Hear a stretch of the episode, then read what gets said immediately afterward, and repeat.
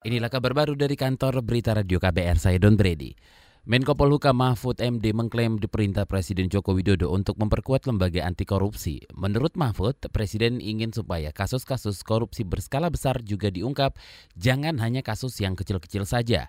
Bahkan menurut Mahfud, Presiden Jokowi juga menyebut sejumlah kasus besar yang sudah dilaporkan justru malah terbengkalai di KPK. Itu Presiden mengatakan kita sudah berusaha sungguh-sungguh tapi coba ke depannya ini pemberantasan korupsi lebih hadir, lebih kuat. Caranya apa? Caranya korupsi-korupsi besar itu diungkap. Presiden menunjukkan saya sudah laporan ke KPK ini, ini, ini, tetapi tidak terungkap. Menko Polhukam Mahfud MD menambahkan Presiden Joko Widodo juga menginginkan jangan hanya KPK saja yang diperkuat, tapi juga lembaga lain seperti kejaksaan dan kepolisian. Mahfud menyebut Presiden ingin memperkuat tiga lembaga pemberantasan korupsi itu supaya bisa bersinergi mengungkap kasus-kasus korupsi berskala besar.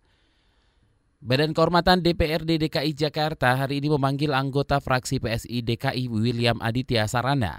Legislator termuda DPRD DKI itu dilaporkan karena diduga melanggar etika saat mengunggah anggaran janggal rencana APBD DKI di media sosial pribadinya. Informasi selengkapnya bersama jurnalis KBR Wahyu Setiawan langsung dari gedung DPRD DKI Jakarta. Wahyu, silakan. Baik, anggota DPRD DKI Jakarta, fraksi PSI William Aditya Sarana memenuhi panggilan Badan Kehormatan DPRD DKI hari ini. William tiba di ruang BK DPRD bersama anggota PSI Agus Hamonangan pukul 10.20 WIB tadi.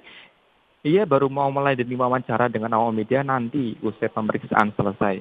Adapun panggilan William itu terkait adanya laporan dari seorang warga bernama Sugianto yang melaporkan legislator termuda DKI itu karena diduga melanggar kode etik saat mengunggah anggaran janggal ke akun media sosialnya.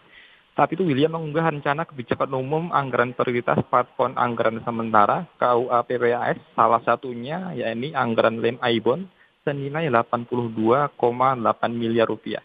Sontak unggahan tersebut mendapat sorotan dan menjadi perbincangan publik.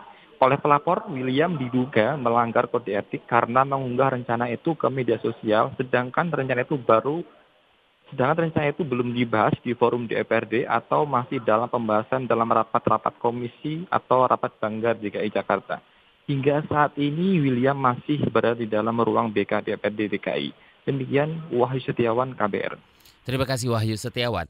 Saudara pemerintah diminta menindaklanjuti laporan Dewan Pengelolaan Hutan Internasional atau FSC tentang pengundulan hutan yang dilakukan perusahaan grup Korindo di Papua. Korindo Group merupakan perusahaan minyak kelapa sawit Korea Indonesia.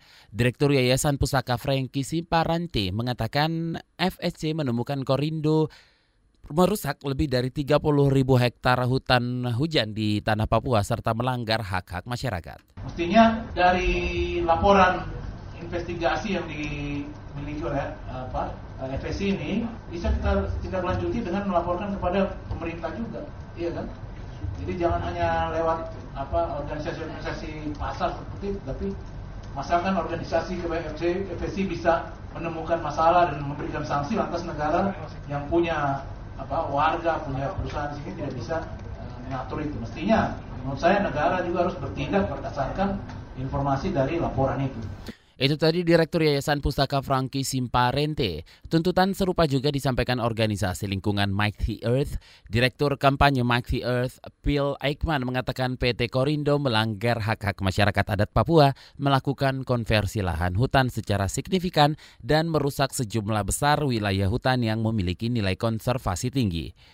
Demikian kabar baru dari kantor Berita Radio KBR. Saya Don Brady.